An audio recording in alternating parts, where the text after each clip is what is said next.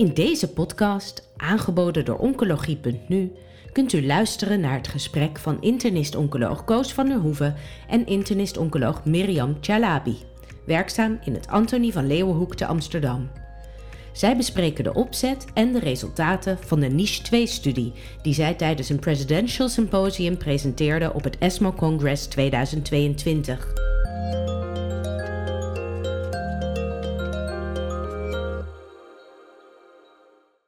ESMO 2022 in Parijs. Heel veel uh, nieuws. Maar het grootste nieuws dat werd eigenlijk gebracht door dokter Mirjam Salabi. Zij is internist-oncoloog in het Nederlands Kankerinstituut, het Antonie van Leeuwenhoekhuis. Zij heeft als aandachtsgebied gastro-intestinale tumoren en immunotherapie. En dat kwam eigenlijk allemaal samen in de NISH-studie. En daarover ga ik met haar praten. Welkom Mirjam. Dankjewel Koos. Laten we maar met de deur in huis vallen. En uh, je vertelde over uh, preoperatieve, kortdurende immunotherapie bij patiënten met een colorectaal carcinoom, resectabel, maar met microsatellieteninstabiliteit. Wat was de uitslag? Ja, de uitslag was dat, uh, dat we in de uh, 107 patiënten, waar we de responsdata van hebben laten zien, dus 107 patiënten met een MMR-deficiënt, dan wel MSI-tumor, in 99% van de patiënten een pathologische respons zagen, waarvan 95% bijna compleet, wat wij een major pathologic response noemen, en 67% compleet, uh, complete pathologische respons. Dus uh, ongekend resultaat met een hele kortdurende behandeling. En al helemaal als je dat vergelijkt met neoadjuvante chemotherapie bij dezezelfde patiëntengroep, wat maar bij zo'n 7% van de patiënten tot iets van pathologische respons leidt. Nou, we gaan daar een beetje op inzoomen. Maar toen je dit vertelde, kreeg je een daverend applaus. En ik, ga, ik ben al bij heel veel van deze congressen geweest. En dat is maar een enkele keer gebeurd. En de applausmeter die heeft volgens mij nog nooit zo hoog gestaan. Dus complimenten daarvoor. Dankjewel. Je zei net tegen mij, je bent nog niet helemaal geland. Want je hebt heel veel publiciteit hierover gekregen. Ja, de aandacht, uh, um, de aandacht die deze studie heeft gekregen is uh, gigantisch. Overweldigend, maar ook wel heel mooi om te zien dat ja, de resultaten die je al kent van je eigen studie en ook uh, um, dagelijks ziet en bespreekt met je patiënten eigenlijk, dat dat ook uh, voor de gemeenschap nu uh, um, zichtbaar is en dat het enthousiasme wordt gedeeld. Um, en dat is heel bijzonder om mee te maken. Hoe ben je tot deze studie gekomen? Ja, um, dat is op zich wel, nou ja, vind ik wel een mooi verhaal. Ik begon in 2016 als uh, staflid in het Antonie van Leeuwenhoek. Um, en ik had nul ervaring met onderzoek. Um, ja. Maar ik had wel nou, passie ontwikkeld voor immuuntherapie. Er gebeurde heel veel op het gebied van immuuntherapie. En ik was een beetje betrokken bij een borstkankerstudie. En toen dacht ik, ja, maar dit wil ik ook doen. Ja. Um, en dan wil je iets nieuws doen, iets anders doen. Um, en er gebeurde nog niet zo heel veel destijds. Het was in 2016 uh, dat, uh, dat ik het ging schrijven. Er gebeurde nog niet zoveel op het gebied van colorectaal carcinoom en immuuntherapie. Um, dus, uh, en we hadden wel aanwijzingen dat als je immuuntherapie eerder geeft, dat bij verschillende tumortypes, en met name bij melanoom waren er al wat data, dat het waarschijnlijk ook beter werkt. Ja. Nou, dus zo, zo is de NICE-studie geboren. eigenlijk een Window of Opportunity study begon het destijds, waarbij je in de wachttijd tot de operatie patiënten kortdurend immuuntherapie geeft. Um, en dat was zowel in patiënten met MSS-tumoren als MSI-tumoren. Um, en met name met de gedachte, daar willen we van leren. Wat gebeurt er in zo'n tumor? Uh, wat, wat, zijn, wat bepaalt respons? En hoe kunnen we daarvan leren met name misschien van de MSC-tumoren, om dat uiteindelijk bij de MSS-tumoren ook uh, toe te passen. En van beide groepen waren de resultaten eigenlijk nog veel beter dan verwacht. Ja, uh, vertel even over het schema. Dus wat geef je voorafgaand aan de operatie? Ja, dus patiënten die, uh, um, die starten met één kuur nivolumab plus ipilimumab. We geven laag gedoseerd ipilimumab, omdat dat ja. ook de minste bijwerkingen geeft. Ja. En nivolumab is 3 milligram per kilogram. Destijds werd de, um, de vaste dosis nog niet gebruikt. Nee. Um, en twee weken later geven we nog één kuur nivolumab. En dat is de hele behandeling. En wanneer worden de patiënten dan geopereerd? Ja, binnen zes weken uh, na registratie in de studie. Dat is het maximum wat we hebben aangehouden altijd. Nog even terug naar het begin. Je had zelf dat idee. Um, is, het, is een industrie geïnitieerde studie of hebben jullie dat zelf mogelijk moeten maken? Nee, dit is een investigator-initiated studie. Dus het, is, uh, nou ja, het was uh, ons idee destijds. natuurlijk klop je wel aan bij de industrie om, um, om het voor elkaar te krijgen. Dus het is wel gefinancierd door de industrie, maar gesponsord door het AVL. Je zei dat in het begin je ook de microsatelliet stabiele patiënten in de behandeling hebt opgenomen, maar de, de, de studie die je nu presenteerde ging over de microsatelliet instabiele patiënten. Hè? Ja, klopt. We hebben eerder de data van de microsatelliet Stabiele al uh, laten zien. En recent ook een update daarvan, wat overigens ook wel heel bijzonder is. Maar nu uh, was uh, deze niche 2 was, gefocust op patiënten met instabiele tumoren. Waarbij we niet alleen willen kijken naar de respons, maar ook um, naar de ziektevrije overleving. En we hebben nu de pathologische responsdata, wat een secundair eindpunt was, laten zien. En ook de safety data. En dat is een van de twee primaire eindpunten naast ziektevrije overleving. Kom ik zo nog even op terug. Ja. Uh, je moet dus weten dat een patiënt een, uh, een MSI-tumor heeft voorafgaand aan de operatie. Klopt. Was het moeilijk om die patiënten te recruteren? Want de meeste mensen bepalen dat pas op het operatiepreparaat. Ja, dat is een hele goede vraag. In het begin was dat heel lastig. Uh, in het begin heeft het heel lang geduurd om de eerste paar patiënten uh, te includeren in de studie. Um, en het is best moeilijk om uh, iets wat nou ja, standaard is om meteen te opereren en daarna pas verder te kijken, om dat te veranderen, ook die gedachtegang bij iedereen. Um, en dat veranderde toen we ja, het veranderde al een beetje toen we de eerste keer de resultaten presenteerden. Dat was op ESMO 2018. Ja. Um, en in 2020 hebben we de eerste resultaten gepubliceerd. En ja, daarna ging het heel hard. Ja. Um, je opereerde de patiënten vijf weken nadat ze de eerste immunotherapiegift gekregen hadden. Werd er voorafgaand aan die operatie nog een nieuwe CT-scan gemaakt? Of werd er een responsbeoordeling gedaan? Ja, we hebben bij uh, een groot deel van de mensen CT-scans gemaakt, uh, voorafgaande aan de um, operatie. Die data hebben we nu nog niet laten zien, um, maar dat, um, dat komt binnenkort, want we hebben daar wel naar gekeken inderdaad.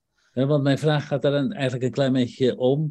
Uh, er zijn natuurlijk patiënten die zeggen, ja, pathologisch complete respons. Als ik dat van tevoren geweten had, had ik niet geopereerd willen worden. Ja. Maar misschien mijn volgende vraag. Waren de patiënten die bij operatie een T0 tumor hadden, dus geen tumor meer in het colon, maar wel positieve klieren? Die waren er wel. Dat was een minderheid van de patiënten. Uh, ja. Maar die waren er wel. Ja. Oké. Okay. Nou heb je heel kortdurend deze immunotherapie gegeven. En je zegt, ja, het, het model, het schema voor de studie hebben we al in 2016 gemaakt. Als je het nu opnieuw zou mogen doen, zou je dat schema dan nog aanpassen? Of ga je dat aanpassen? Um, of ik het zou aanpassen, um, ja, met de kennis van nu kun je je voorstellen dat je misschien nog wat langer behandelt, bijvoorbeeld. Um, de vraag is wel of het nodig is. Kijk, ik denk dat als je misschien wat langer behandelt, dat die bijna complete responsen ook compleet zouden kunnen worden. Ja. Dus, uh, maar de vraag is of dat nodig is. en uh, of ja, of dat voor de lange termijn uitkomsten überhaupt iets uitmaakt. Ik denk het niet. Um, dus in die zin zou ik het niet anders doen. Um, voor een vervolgstudie zou ik het wel anders doen, omdat we denk ik steeds meer richting een uh, orgaansparende behandeling willen. Dat hadden we niet kunnen durven dromen, denk ik, uh, vijf jaar geleden. En nu zou ik dat anders doen, met name om die kans op pathologische respons te verhogen. En ja, en dat moet je eerst dan um, zien, denk ik, zeker als je een nieuwe combinatiebehandeling gaat geven. Want we gaan nu een andere uh, behandeling geven binnen de niche. Um, zodat je uiteindelijk ook uh, weet hoe vaak je een pathologisch complete respons hebt. En als je dan wat langer behandelt, of dat nog vaker is. Um, dus dat, uh, daar zijn we nu mee bezig. Ik vraag het een klein beetje naar aanleiding van de presentatie bij de ASCO, bij patiënten met een rectumcarcinoom. Uh, twaalf patiënten daarbij en twaalf patiënten een pathologisch complete respons. Die werden mhm. niet aan hun rectum geopereerd, die zitten in de follow-up. Je kan je dus voorstellen dat bij het colorectale carcinoom, dat ook patiënten zeggen van nou, als er nou geen tumor te zien is, dan wil ik gewoon in de follow-up, dan wil ik helemaal niet geopereerd worden. Um, ja, nou die studie, dat, uh, dat, dat is een beetje lastig vergelijken met Denise, omdat dat een klinische respons is. Um, die patiënten zijn natuurlijk niet geopereerd, dus je weet nee. niet of er uh, misschien um, restziekte zat uh, of minimale ziekte. die informatie gaan we ook niet krijgen, want hopelijk nou ja, hoeven die patiënten allemaal niet geopereerd te worden. dus dat maakt vergelijking lastig. Ik denk wel, wat, wat ja, ik denk dat juist het mooie aan de NIS-studie is dat je mensen maar vier weken behandelt. Ja. En dat is, uh, in die studie was dat zes maanden. Dat is nogal een verschil. En als je dat met een hele kortdurende behandeling kan doen, ja, dan heeft dat denk ik op allerlei aspecten um, heeft dat, uh, de voorkeur wat mij betreft. Um, en de vraag is dus als je de mensen na een kortdurende immuuntherapiebehandeling neoadjuvant, en ik denk wel dat er een verschil is tussen combinatiebehandeling en monotherapie, dat ja. de, de, de, duur tot aan een hele goede respons um, anders is. En ja. met name langer als je monotherapie geeft. Um, maar als je misschien langer wacht zonder meer te behandelen, dat je eigenlijk hetzelfde effect bereikt. Ja. Nog even voor goede, goede orde. Deze patiënten hebben dus in jouw studie hebben, uh, preoperatief immunotherapie gehad. Ja. Hebben, ze, hebben sommige patiënten ook postoperatief nog chemotherapie gehad? Ja, er waren um, drie patiënten die uh, adjuvante chemotherapie hebben gehad, die dan uh, lymfeklier-positieve ziekte hadden. Um, er, zijn, er waren meer patiënten met, uh, met positieve lymfeklieren, um, maar die waren of ouder of die hebben zelf chemotherapie geweigerd. Oké, dus volgend jaar dan kan je waarschijnlijk weer een presentatie doen met de follow-up van deze patiënten. Ja, ik denk dat, uh, dat we daar enorm naar uitkijken. De ziektevrije overleving, daar hebben we wel al um, iets van laten zien. Want we hadden nu een mediane follow-up duur van 13 maanden. Ja. En daarin, in die 13 maanden, en misschien nog wel goed om even te benadrukken dat, dat we echt wel patiënten met hele forse, grote tumoren hebben behandeld in de NICE-studie. En dat heb ik in de presentatie ook laten zien. Nou ja, meer om inzicht te geven. En een deel van die met name T4-tumoren. En hoe uitgebreid dat was met de ingroei in de blaas, ingroei in pancreas, ingroei in, in de buikwand. Um, dus dat zijn toch wel de hoogrisicotumoren die we grotendeels hebben behandeld in de studie. En uh, tot op heden hebben we geen enkel recidief gezien. Nou, dus uh, dat is veelbelovend. Dat klinkt fantastisch. Je hebt veel applaus gehad, maar heb je ook nog andere reacties gehad? Inhoudelijk op je studie? Suggesties? Um, nou, eigenlijk uh, um, zit iedereen met name te wachten op uh, hoe we dit standaardzorg kunnen maken. Uh, ik denk dat er wel een verschil is tussen korte termijn en lange termijn effecten. Kijk, als we extrapoleren van, van andere tumortypes en neoadjuvante immuuntherapie, en er was toevallig voor mij ook een studie bij melanoom, waarbij ja. neoadjuvante versus alleen adjuvante immuuntherapie werd vergeleken. Precies dezelfde behandeling, precies hetzelfde aantal kuren. Maar je ziet dat als je drie kuren neoadjuvant geeft, dat dat echt heel erg veel uitmaakt in, uh, in de uitkomsten en de overleving van deze patiënten. Ja. Dus neoadjuvant is gewoon beter. Um, dat, ja. daar durf ik nu uh, nog, nog makkelijker voor uit te komen. Ja. Um, en uh, dan ben ik even de rest van de vraag vergeten. Nou, ik, ik ga eigenlijk naar de volgende vraag. Want je hebt het heel kort gezegd. Je hebt gezegd, we gaan het schema toch een klein beetje aanpassen. Kan je daar iets over zeggen? Dus het vervolg van de NIS-studie of is dat geheim? Mm, nee, het is nog niet geheim, het is alleen nog niet goedgekeurd. Maar um, wat we uh, in principe beogen is dat we nu een combina andere combinatie immuuntherapie geven, wel nog met nivolumab. Ja. Maar nu gaan we anti-LAG3 uh, uh, geven, dat okay. is relatlimab. Ja. Um, en dat gaan we ietsje langer geven. Het zijn nog steeds twee kuren, maar vier wekelijkse kuren. Um, dus dan uh, duurt het iets langer voordat patiënten geopereerd worden. Um, nou, over het applaus en de reacties hebben we gehoord. Het gaat voort. Heb je al patiënten op je polykliniek gehad die een primair coloncarcinoom hebben en geopereerd moeten worden en die zeggen, nou, ik wil nu die preoperatieve immunotherapie hebben? Ja, die hebben we al eerder ook gehad. Uh, ik heb nu nog sinds ESMO geen patiënten gezien. Uh, maar ik denk dat, uh, dat dit, nou ja, de, de studie is nu sinds uh, um, nou, zo'n kleine twee maanden vol voor, voor de MSI-patiënten. En ehm, we zien dat met name veel collega's, en dat is ook wel heel mooi om te zien, dat het niet alleen vanuit de patiënten komt, maar ook vanuit collega's, kunnen we deze patiënten immuuntherapie geven. Ja. Um, en ik zou heel graag ja willen zeggen, alleen dat antwoord kan ik nu nog niet geven. Dat is ook de reden waarom er een vervolg komt op de NIE-studie. Ja. Aan de andere kant zijn we ook in parallel bezig met, uh, um, met voldoende data verzamelen om in ieder geval voor de Nederlandse situatie, maar ik hoop ook voor andere landen, um, dit standaardzorg te maken. En daar is nog ietsje, iets meer voor nodig, maar uh, dat is wel ons streven om dit in het basispakket te laten opnemen. Ja, want het is niet een klein beetje verbetering, het is een spectaculaire verbetering. En ja. je wil eigenlijk uh, graag dat dat heel snel bij de patiënten komt die daarvoor in aanmerking zouden kunnen komen. Ja precies. En nou, misschien ook even terugkomend op de vraag die je zei over uh, andere inhoudelijke reacties. Kijk, we weten dat coloncarcinoom moeilijk ehm, goed te beoordelen is op een CT-scan, wat precies de stadiering is. En met name voor de lymfeklieren. Ja.